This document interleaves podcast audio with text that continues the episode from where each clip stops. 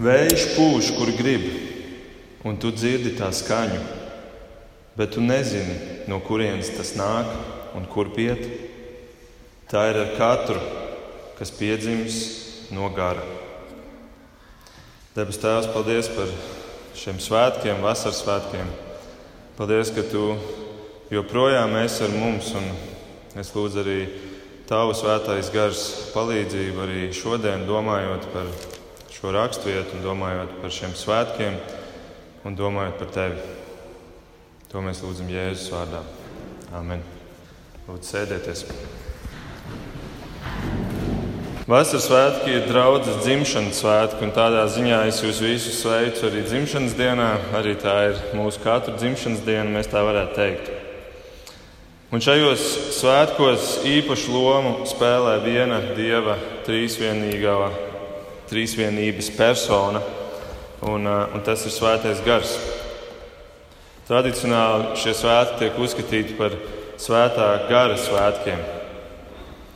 Bet bieži vien, diemžēl, svētā gara loma tiek aprobežota lielā mērā ar šo svētku nozīmi un šiem notikumiem, ar, ar to, kas notika šajos svētkos, visas šīs ārējās redzamās parādības, šī, šīs uguns mēlis, kā mēs lasījām mēlēs runāšana un, un tas apjukums, kas varbūt valdīja tajā brīdī. Un, ja mēs tā paskatāmies vēsturē, tad mūsdienās daudz vairāk nekā jebkad pagātnē svētiem garam tiek piedāvāta loma, kas it kā ir redzama šajos, šajā svētku notikumā. Un rezultātā daudz kas no tā, kas nav svētā gara darbs, tiek piedāvāts svētiem garam. Un daudz kas no tā, kas ir svētais, svētā gara darbs, tas tiek piedāvāts cilvēkam vai pat netiek ievērots. Un tā nu bez šaubām svētais gars ir tā dieva trīsvienības persona, kura visvairāk ir pārprasta. Un tā pārprašana nav tikai tāda, tāda izpratnes izvēle. Es varu es varu redzēt svēto gāru tā, kā es gribu, bet Bībele saka, ka tas patiesībā ir ļoti nopietns jautājums, kā mēs saprotam Dievu. Un Bībele dod brīdinājumu. Otrā mūzes grāmatā, 20. nodaļā, tur ir šāds pants: Nelieto kunga savu dievu vārdu velti, jo kungs neatstās nesodīt to, kurš velti lieto viņa vārdu. Un šis vārds velti ir ebreju vārds lašāv, kurš nozīmē arī nepatiesi, jeb nepareizi. Tātad tikpat labi mēs varam lasīt šo pantu. Nelieto kunga savu dievu vārdu nepareizi. Kurš lieto dievu vārdu nepatiesi, kurš dod nepatiesu liecību par dievu, tas nepaliks nesodīts. Tā ir šajā rakstvietā minēts. Un tādēļ ir svarīgi, ka mēs arī svēto garu saprotam, gan mēs individuāli, gan arī kā draugi. Un mēs mēģinām nevis tikai likt uzsvaru uz Dievu Tēvu un, un Kristu, kaut arī mēs esam kristocentriski draugi, bet arī uz Svēto garu. Un šodien es vēlos varbūt atbildēt uz šo, uz šo jautājumu, kāds ir Svētais gars. Protams, ļoti ierobežotā veidā, jo jo šī tēma ir neizsmeļama. Tādēļ es vēlos šodien apstīties tikai no viena tāda konkrēta skatu punkta.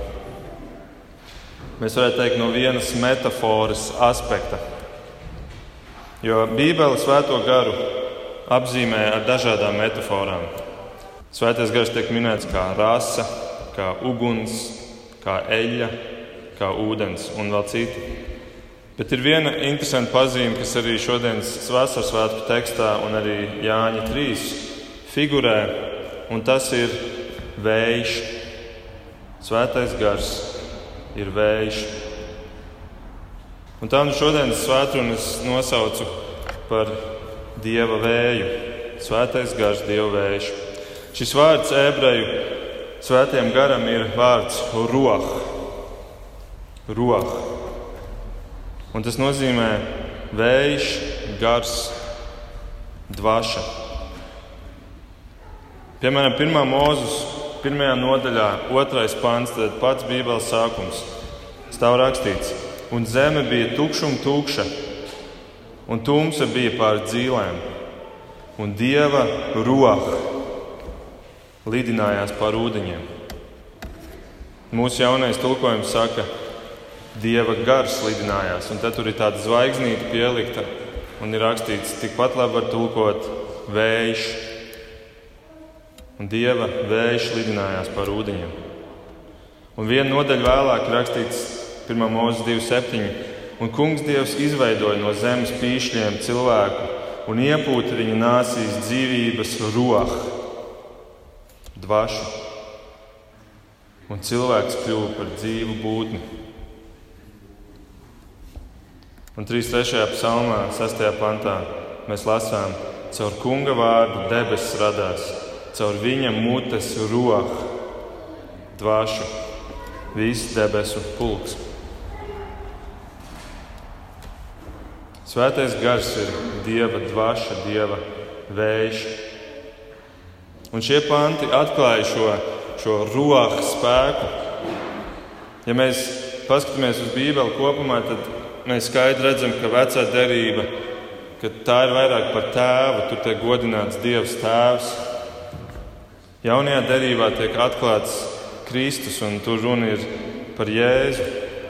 Bet svētais garš, šis Dieva roka, vijās klusībā, fonā, it kā cauri visam Dieva vārdam.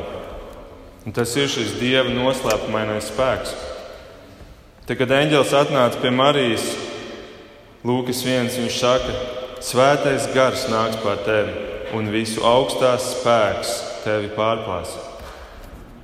Svētais gars ir šis visu augstā spēks, tas spēks, ar kuru Dievs darbojās visu augstā roka, dieva vējš. Kāds ir šis vējš? Tas ir tas, ko es vēlos šodien no šodienas teksta Jāņa 3 apskatīt un atklāt trīs pazīmes, jeb trīs īpašības, kas ir svētajam garam. Lai saprastu kontekstu, šī raksturvieta, kuras lasīju um, Jāņa 3, ir mums labi zināmā saruna starp Jēzu un Pharizēju Nikodēmu kurš atnāk pie Jēzus nakts vidū, jo viņš negrib tikt atklāts, ka viņš nāk pie, pie, pie šī Kristus. Un viņš nāk un jautā viņam, kas man ir jādara, lai es varētu tikt glābts. Un tad Jēzus viņam skaidro, ka vienīgais ceļš ir, ka tev ir jāpiedzimst no jauna, jāpiedzimst no augšas. Un Nikodēmam šī doma ir pilnīgi nesaprotama. Viņš jautā, kā tas var būt? Kā var cilvēks iekāpt atkal mātes miesās un piedzimt no jauna? Un tad Jēzus saka šo: Vējš pūš, kur grib, un tu dzirdi tā skaņu, bet tu nezini, no kurienes tas nāk un kur piet. Tā ir ar katru, kas ir piedzimis no gara. Un pirmajā brīdī var likties mums, un es domāju, tīpaši Nikodēmam, kas tā ir par atbildi. Atbildi pilnīgi ne pa tēmu. Un tomēr, ieskatoties, mēs redzam, cik šī atbilde ir dziļa un patiesa un skaidra. Jo ceļš uz jaunpiedzimšanu ved cauri roham, dieva vējam, dieva garam. Trīs dieva vēja pazīmes, kuras vēlos šodien izcelt no šī teksta. Un pazīme numur viens ir dieva suverenitāte, jeb svētā gara suverenitāte. Mēs lasām, vējš pūš, kur grib. Šie pirmie vārdi jau pasaka tik daudz, ka vējš pūš, kur viņš pats grib, nevis kur cilvēks izvēlās. Kad mēs klausāmies meteoroloģiskā dienesta ziņas, mēs parasti dzirdam par novērojumiem, uz kuriem tiek balstīta nākotnes prognoze. Un tad mēs dzirdam, ka ir teikts, ka laika prognoze ir, ka būs šodien lietus un būs 20 grādi un ziemeļrietumu vējš 4 m2. Tas viss ir prognoze, kas ir balstīta uz novērojumiem. Mēs nedzirdam par pavēlēm. Mēs nedzirdam, ka par rādio teiktu, pēc tautas nobalsojuma rezultāts ir tāds, ka vairākums ir izlēmis, ka nākamajā nedēļā Lietus nebūs, spīdēs saule, būs 25 grādi un bezvējš. Teikt, ka cilvēks to ir izvēlējies un nobalsojis par to. Kāpēc tā nav? Tāpēc, ka cilvēks to nespēja ietekmēt. Un tāpat svētais, svētā gara ceļus cilvēks nevar ietekmēt. Viņš var tikai novērot. Svētais gars dodas tur, kur pats grib. Jā, viņš dodas pie tiem, pie kuriem viņš pats grib. Cilvēkam gribas domāt, ka viņam ir kontrole pār svēto garu, nu vismaz tajā sākuma posmā, kur viņš izvēlās Dievu. Ka viņš izvēlās ticēt Dievam. Mums cilvēkiem gribās domāt, ka tajā brīdī, ka vienā brīdī es esmu izdomājis, ka es tomēr sakošu Dievam, jo Dievs man ir vajadzīgs. Un tad es izvēlos Dievu, uzskatīdams, ka Dievam ir jāpiekrīt šim manam lēmumam. Un tad tā mana attieksme iet uz to pusi, ka man ir tā sajūta, ka it kā Dievs būtu lūdzies visu dzīvi, un tad nu beidzot es esmu piekritis. Es esmu piekritis pamēģināt, vai man derēs šis Dievs. Vai man derēs šāds Dievs? Un tad es došu viņam iespēju pierādīt sevi man. Tad cilvēks grib šo, šo kontroli pār, pār svēto garu. Ka, ja cilvēks izvēlās, tad svētajam garam ir jāklausa. Un ne tikai par glābšanu vai pestīšanu ir runa, bet arī par dziedināšanām. Un populāri mūsdienās ir arī runāt par to, ka es varu pavēlēt svētam garam pravietot, tad, kad es izvēlos Kad es gribu, lai man nāk atklāsme, tad lai viņš man runā uz mani un caur mani un tā tālāk. Bet nē, mēs lasām, vējš pūš, kur grib. Svētais gars ienāk tajos cilvēkos, kuros viņš grib. Tā ir svētā gara izvēle ienākt, iepūst šo dzīvības dvāšu un atdzīvināt cilvēkus. Un, ziniet, svētais gars to nedara izolētā stāvoklī, bet viņam, viņa darbība vienmēr ir vienprātīga ar Kristu un ar Tēvu. Paklausieties, no kurienes nāk šis svētā gara vējš. Jāņa 20. tas ir rakstīts kā viens piemērs. To pateicis Jēzus uzpūta dvašu un tiem sacīja: Saņemiet svēto garu! Šeit šis svētā gara vējš nāk no Jēzus mutes, no Jēzus vārdiem. Svētais gars darbojās saskaņā ar Jēzu. Bet mēs varam iet vēl vienu soli tālāk. Jēzus izvēle uzplūst šo dieva dvāšu cilvēkam nāk no kurienes? Šī izvēle nāk no paša tēva. Jāņa 6 ir rakstīts, Neviens nevar nākt pie manis, ja tēvs, kas man ir sūtījis, to nevelk, un es to augšām celšu pastarā dienā. Tātad mēs redzam to kopējo bildi. Tēvs velk cilvēku pie Kristus, un Kristus uzpūš viņam šo svētā gara dvāšu, šo rohu. Dievs ir suverēns Dievs. Un tādēļ svētais gars ir suverēns. Un, ja nu mums tagad izklausās, ka nu, cilvēks tad, nu, tādā gadījumā ir nabadzīgs un bezspēcīgs un bezmazliet tāds kā upuris Dieva rokās, tad atcerēsimies, kāds Dievs ir. Viņš ir pilnīgi svēts, viņš ir pilnīgi labs un viņam ir visa informācija. Viņš ir vienīgais tiesnesis, kā mēs pirms pāris nedēļām runājām par, par šo tiesnesi Dievu no Jēkabas vēstules. Vienīgais tiesnesis, kurš spēja objektīvi izvērtēt. Un patiesība jau ir tā, ka neviens cilvēks nav pelnījis, ka viņa dzīvē tiek iepūsts svētā gara vējš. Tādēļ katrs pūtens, katra brāzma, ir žēlastība. Bet es vēlos vēl vienu lietu pieminēt par šo suverenitātes aspektu. Ka Dievs cilvēkam tomēr ir devis kādu instrumentu, kādu iespēju tomēr ietekmēt šo vēju. Cilvēkam ir dota iespēja lūgt, lai Dievs sūta savu vēju tur, kur tā vēl nav. Un caur Kristus vārdiem, kas ir tie, kuri caur kuriem darbojās arī pats Kristus. Caur Kristus vārdiem, kas ir Dieva vārds, tos sludinot, mēs arī varam to ietekmēt. Un tomēr mums vienmēr ir jāpatur atmiņā, ka Svētais Gars ir suverēns un viņa griba notiks. Otrā pazīme. Svētais gars ir vienmēr darbīgs. Svētais gars ir vienmēr darbīgs. Jāņa 3. ir teikts, tu dzirdi tā skaņu. Tu dzirdi tā skaņu. No kā rodas skaņa vējam?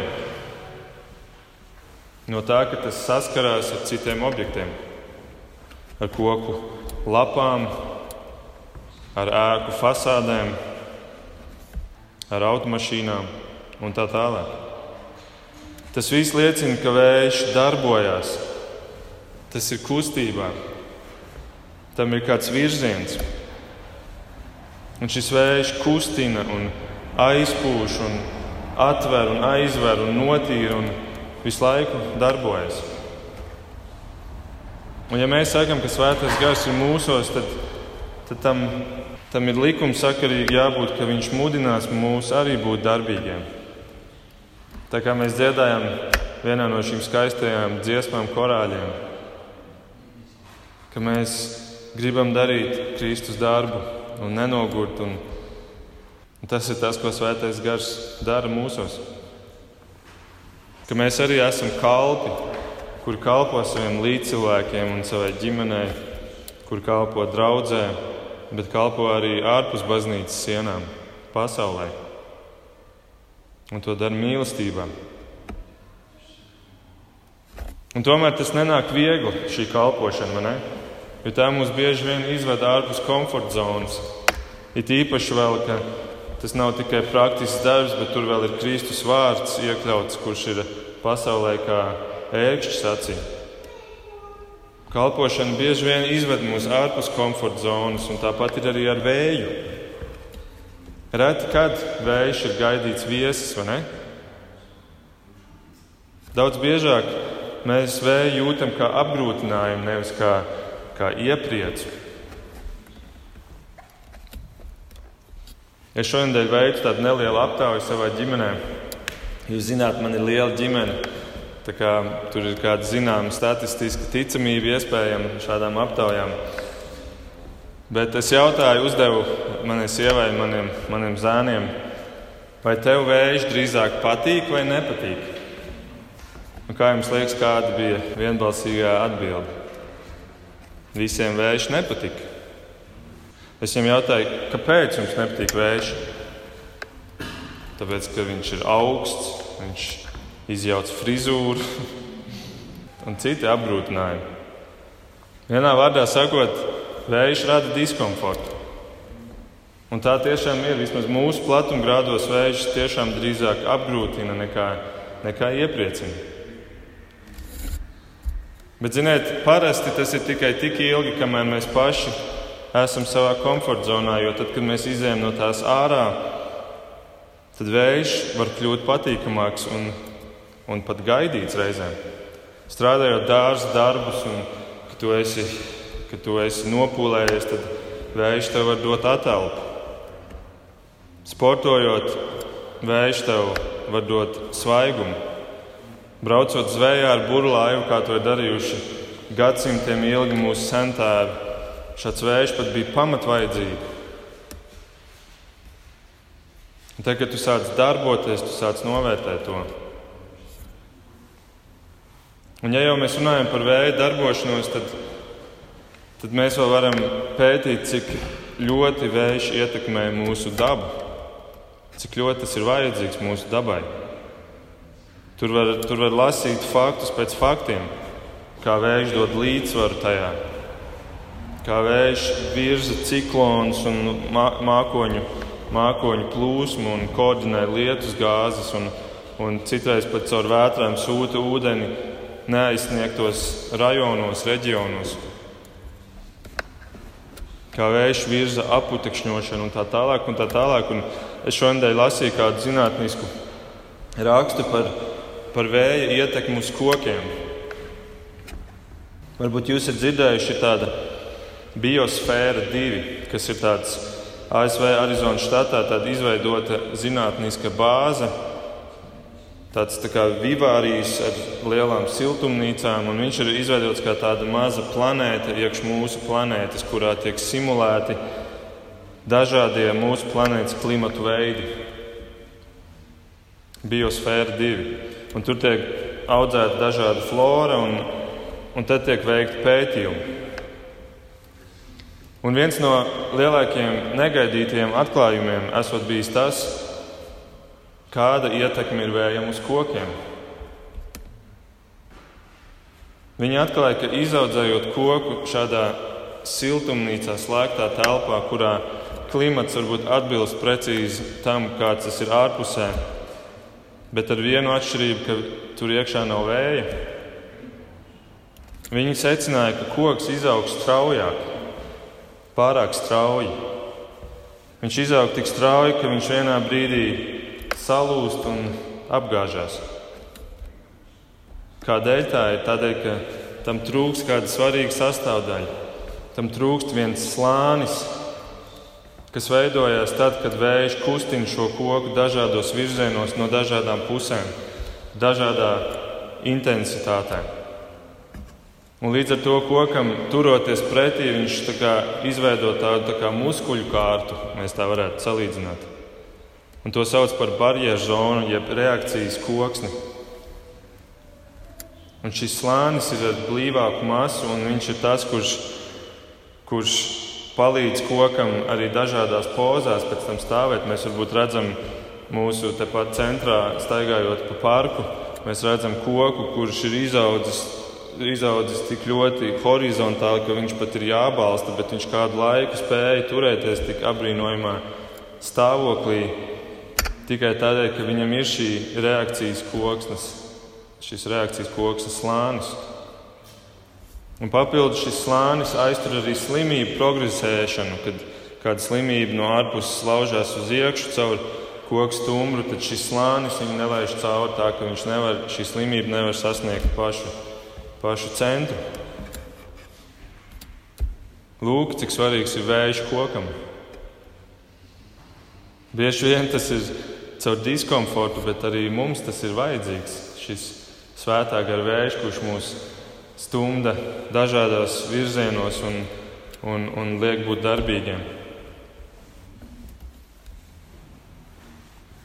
Tāds ir šis svētais gars. Nevis vajadzīgos brīžos izsaucams kalps, bet viņš, bet viņš visu laiku nepārtraukti darbojas mūsu dzīvēm. Pamācot un pārmācot, iedrošinot un sargājot un palīdzot saprast Dieva vārdu palīdz, palīdz, palīdzot augt. Lūk, svētais gars ir suverēns, svētais gars ir nepārtraukti darbīgs. Un trešā pazīme - svētais gars ir mainīgs. Svētais gars ir mainīgs. Mēs lasām, tu nezini, no kurienes tas nāk un kur piet. Tu nezini, no kurienes tas nāk un kur piet. Tu nezini, Arī tādēļ, ka vējš visu laiku maina savu virzienu un maina savu spēku. Tāpat svētais gars ir mainīgs. Svētais gars maina veidus, kā viņš darbojas un cik intensīvi viņš darbojas. Kaut arī viņa paša identitāte ir nemainīga, jo viņš ir nemainīgais dievs, tomēr veidi, kā viņš darbojas, mainās. Un tādēļ ir maldīgi uzskatīt, ka, ka tādēļ vien, ka Svētais Gars Bībelē kādā posmā ir kaut ko darījis, ka viņš to, pat, to pašu arī tieši tādā pašā veidā turpina darīt šodien. To pierāda jau vien tas, ka vasaras svētkos, kurus mēs šodien svinam, Svētais Gars ieradās pie cilvēka jaunā formā, jaunā veidā. Tādā veidā, kāds iepriekš nebija bijis. Vecajā derībā Svētais Gars ienāca cilvēkos un izgaida no cilvēkiem. 1. samuēlā 16. mēs lasām, ka kunga gars atstāja ķēniņu sauli, un kungs viņam uzsūtīja ļaunu garu. Kāds pants iepriekš bija aprakstīts, kā svētais gars ienāca saulē, bet šeit viņš atstāja sauli. Jo svētais gars ienāca cilvēkos uz laiku un izgāja. Svētais gars ienāca pat tikai īpašos cilvēkos, priesteros, praviešos un ķēniņos. Bet visiem citiem svētais gars darbojās ārēji. Viņš negāja cilvēkos iekšā, bet viņš savu darbu veica, veica ārēji. Bet šeit jaunajā derībā pavērās pavisam cita bilde. Pirms šīs vasaras svētku notikuma Jēzus jau informēja savus mācekļus, ka notiks kaut, kas, kaut kāds pavērsiens. Jāņa 14. viņš teica, es lūgšu tēvu, un viņš jums dos citu aizstāvi, lai tas būtu pie jums mūžīgi. Patiesības garu, ko pasaule nevar saņemt, jo tā nec redz, nec pazīst to. Bet jūs to pazīstat, jo tas pie jums paliek un būs jūsos. Jēzus te lieto vārdus būs mūžīgi, nevis uz kādu laiku. Paliks, nevis izies. Jūsos, nevis kaut kur ārpus jums. Un Pāvils to apstiprina, rakstot 2. korintiešu vēstulē, 1. nodaļā, un lietojot vēl arī citus vārdus, vārdus kā apzīmogošana un ķīla. Viņš raksta korintiešiem, Dievs, kas mūs līdz ar jums dara drošus paļāvībā uz Kristu un kas mūs ir svaidījis, ir mūs arī apzīmogojis un devis gara ķīlu mūsu sirdīs. Angļu bībelē šis vārds ķīli ir, ir iztulkots kā vārds garantija. Viņš ir devis šo garantiju mūsu sirdīs. Lūk, cik fundamentāli atšķirīga valoda vecajā derībā un jaunajā derībā par svētā gara darbu. Svētais gars ir neviens suverēns, neviens nepārtraukti darbīgs, bet viņš ir arī mainīgs.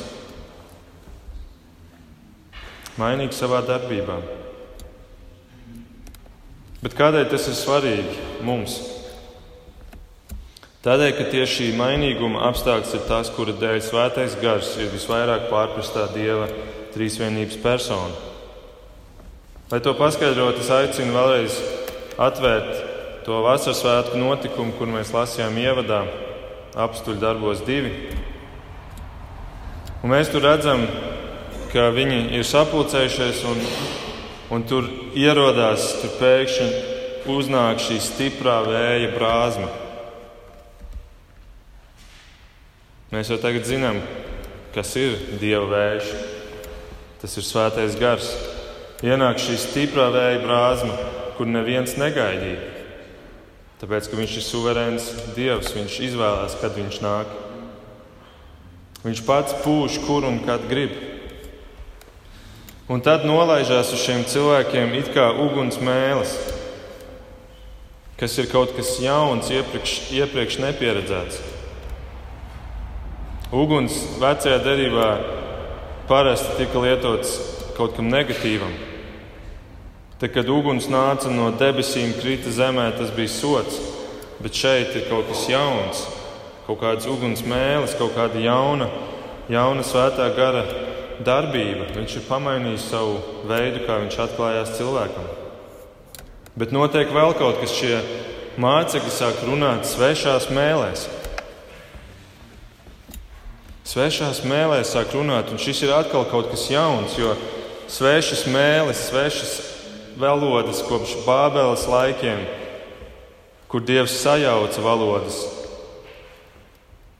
Kopš Bābeles laikiem tas tika uzskatīts kā Dieva sots cilvēkam. Dieva sots cilvēkam. Taču šeit notiek pretējais. Dievs lieto svešas mēlis, lai apvienotu cilvēku. Lai jūdus apvienot ar tiem cilvēkiem, kuru mēlēs viņi sāk runāt. Bet vēl vairāk, līdz šim Dievs runāja tikai caur Izraēlu, bet tagad kaut kas kardināli mainās. Dievs uzrunā un aicina pagānus. Pagānus. Un mums varbūt šodien šeit sēžot, mums pat plakstiņš nepamirkšanās, ka mēs dzirdam, nu, kāda atšķirība pagāni vai jūdi. Mēs taču kā nekā paši esam pagāni. Bet viņiem todien tas bija kaut kas neiedomājams. Dievs pieņem pagānus. Dievs pieļauts Izrēlam to, no kā visus iepriekšējos gadsimtus viņš bija pavēlējis nošķirties. Tāpēc viņiem bija jābūt ar atšķirīgu izskatu un ģērbšanās stilu. Viņiem bija jāēd cits ēdiens, viņiem bija jā, jāsvin citas, citi svētki. Un tagad, tagad ir jāapvienojas. Tagad viņš ir pavēlējis sajaukties. Un neviens sajaukties, bet vēl dieva vējš roha ienākt pašos pagānos. Un ne tikai ienākt, bet tagad viņš būs viņos mūžīgi. Un viņš paliks viņos, nevis izies, kā pat Izraēlas ķēniņiem, priesteriem un praviešiem svētais gars darīja, izējot no viņiem. Un viņš būs viņiem ķīla un garantija Dieva valstības mantojuma saņemšanai, tam mantojumam, kas līdz šim bija apsolīts Izrēlam. Kas te vispār notiek? Kādēļ te viss ir tik ļoti mainījies? Mainījies ir tas, ka ir sākusies jauna ēra, jauna derība starp cilvēku un dievu. Un tā ir mūsu jaunā derība, kuras rītausme bija Kristus augšām celšanās, un kuras svētku stunda ir vasaras svētki.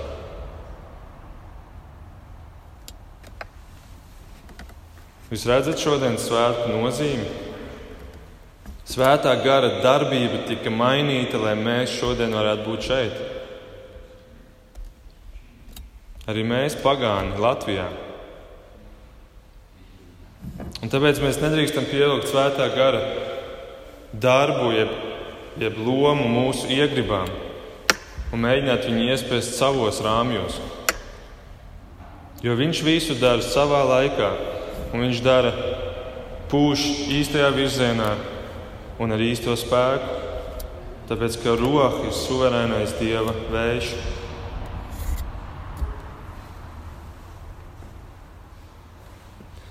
Un tagad, kad mēs lasām šo vasaras svētku notikumu, tālāk mēs redzam viņu runā šajās mēlēs, un, un kad šī brāzma ir ieradusies, viņš tiem dod šīs mēlis. Tas nav tikai tāds specifekts, kā tas varbūt tiek pasniegts šodien, ka, ka mums tā ir dota kā tāda īpaša parādība. Tas pat nebija mācekļiem domāts. Tas nebija domāts kā kaut kas, kaut kāds bonus viņiem pašiem. Šīs mēlis bija dotas ar to galveno nozīmi un jēgu, lai viņi var iet un viņi būtu saprotami šīm tautām, šiem pagāniem. Tādēļ šīs mēls bija reāls valodas, kuras, kuras mēs redzam, apstiprina daudz liecinieki. Tad, kad Edgars lasīja ievadā šo raksturvietu, es domāju, arī viņam bija izaicinājums lasīt visus tos, visas tās tautas nosaukumus. Un var, var, mēs varam domāt, nu kā, kāpēc bija jāuzskaita tik daudz tautas šeit? Vai nepietika ar divām, trim? Vai nevarēja vienkārši pateikt, nu pagāni dzirdēja? Jēga bija tā, lai pierādītu, lai apliecinātu, cik daudz reālu valodu tur bija. Un mācekļi saņēma šo apbrīnojamo spēju runāt bez, bez mācīšanās, bez valodu kursiem, vienā mirklī, viņi spēja runāt svešās valodās. Un tādēļ viņi varēja doties ārpus Izraēlas robežām un sludināt šo jauno derību, šo jauno ēru pagāniem.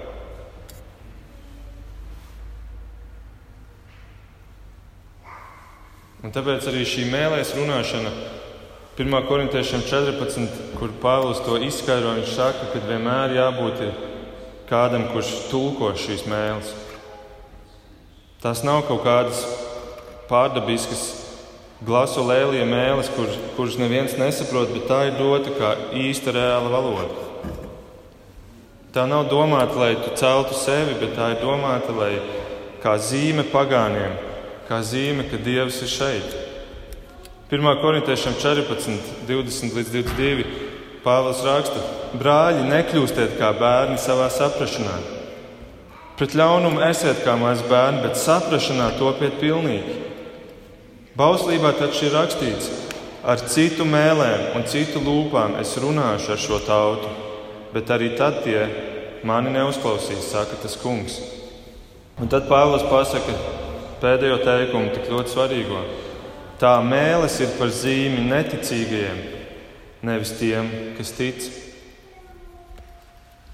Mēlēm bija jēga būt par zīmi neticīgiem, lai apliecinātu, ka Dievs stāv aiz šiem apstuļiem. Un tā kā svētais gars ir mainīgs, viņš arī šajā ziņā šie laiki ir mainījušies, un tagad tas liecinieks par Dievu ir Dieva vārds, rakstītais vārds. Un svētajam garam vairs nav jādarbojas caur mēlēm kā toreiz, bet tāpat kā viņam arī nav jādziedina caur viena cilvēka rokām, kā tas bija tajā laikā. Bet arī dziedināšanu viņš veica caur draugu. Turpinot mūsu jēkab vēstules studiju sēriju, mēs 5. nodaļā lasīsim par to, kā tiek pavēlēta dziedināšana. Jā, Jēkabā 5.14. Ja kāds starp jums ir nevesels, lai pieaicina draugus presbiterus un lai tie lūdz Dievu par viņu. Redzēt nevis caur viena cilvēka rokām dziedināšanu, bet caur draugu, caur presbiteriem, daudzskaitlī. Un lai viņi lūdz, lūgšana. Un tādā veidā svētais gars mainās, jo Dieva plāns cilvēcei visu laiku attīstās. Šodien mēs ar svētā gara ieguldījumu esam atziņā par Dievu tikuši daudz tālāk par pirmā gadsimta draugu, vai par viduslaiku draugu, vai pat par reformātu paudzi, tāpēc ka svētais gars turpina darboties un attīstīt draudzes atziņu. Un tāpēc Jēzus teica, Jānis 16, man vēl ir daudz ko jums teikt, bet šobrīd jūs to nespējat nest. Šobrīd jūs vēl neesat tam gatavi. Bet, kad nāks Viņš, patiesības gars. Viņš vadīs jūs visā patiesībā.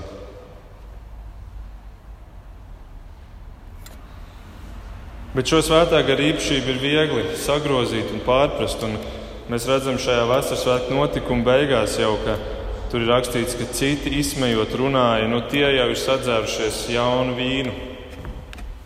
Pat turpat klātesoši cilvēki pārprata un sagrozīja svētā gara darbu.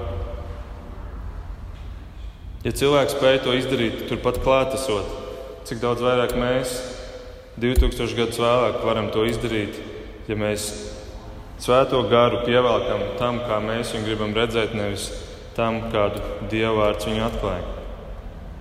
Un tāpēc tas ir mūsu katra pienākums. Jēzus nevēl teica, ka patiesie dievlūdzēji pielūgs tēvu garā un patiesībā. Noslēdzot, Es vēlos noslēgt ar šo jautājumu. Kādēļ Jēzus stāstīja Nikodēmam par šo dieva vēju? Tādēļ, ka tā notiek ar katru, kas ir piedzimis no gara. Šodienas teksta pēdējais teikums. Tā ir ar katru, kas piedzimis no gara. Lūk, šādi svētais gars veids šo jaunpiedzimšanu, bez kuras cilvēks neredzēs Dievu. Un vienu pāntu pirms šī šodienas panta Jēzus saka, nebrīnīties, ka es tev sacīju, jums jāpiedzimst no jauna. Šeit ir pavēles forma, jums ir jāpiedzimst no jauna. Tas nav ieteikums. Tad, kad jūs būsiet gatavi, tad jums būtu jāpiedzimst no jauna. Vai būtu labi, ja jūs piedzimtu no jauna kādā brīdī? Vai es jums ieteiktu piedzimt no jauna? Tas nāks par labu jūsu dzīvēm. Jums ir jāpiedzimst no jauna. Un to dara svētais gars, kur Jēzus uzpūš cilvēkam, kad tēvs cilvēku ir vilcis pie Jēzus. Bet cilvēks var lūgt gan par sevi, gan par saviem cilvēkiem apkārt, lai tas notiktu, lai šī svētā gara vējš pūš viņu dzīvēs. Lūksim Dievu! Debes Tēvs, paldies par vasaras svētkiem un paldies, ka, ka Tu joprojām esi ar mums caur savu svēto garu. Jā, Kungs, piedod, ka, ka mēs cenšamies Tevi ielikt savā, savā prāta kastē, savos rāmjos. Paldies, ka Tavs vārds ir tik, tik atšķirīgs no cilvēka domāšanas veida, ka tas pats par sevi liecina, ka tas ir tavs autordarbs. Un paldies, Tev, Svētais Gars, ka Tu esi mūs darījis dzīvus un ka mēs varam Tevi redzēt un Tevi saprast ar garu acīm. Paldies, ka Tu esi suverēns un, un ja Tu esi to izvēlējies darīt ar mūsu dzīvi, ka Tu arī to pasargās līdz galam, ka Tu būsi mūž, mūsos līdz, līdz mūsu dzīves beigām. Lūdzu, Kungs, palīdz, ka mēs ļautos Tavam šim aicinājumam arī būt darbīgiem un, un būt tiem, kas, kas Tavu vēsti nes tālāk apkārtējiem un kas kalpo mīlestībā. Jā, Kungs, lai Tev gods un slava un pateicība. Mēs to lūdzam Jēzus vārdā. Amen.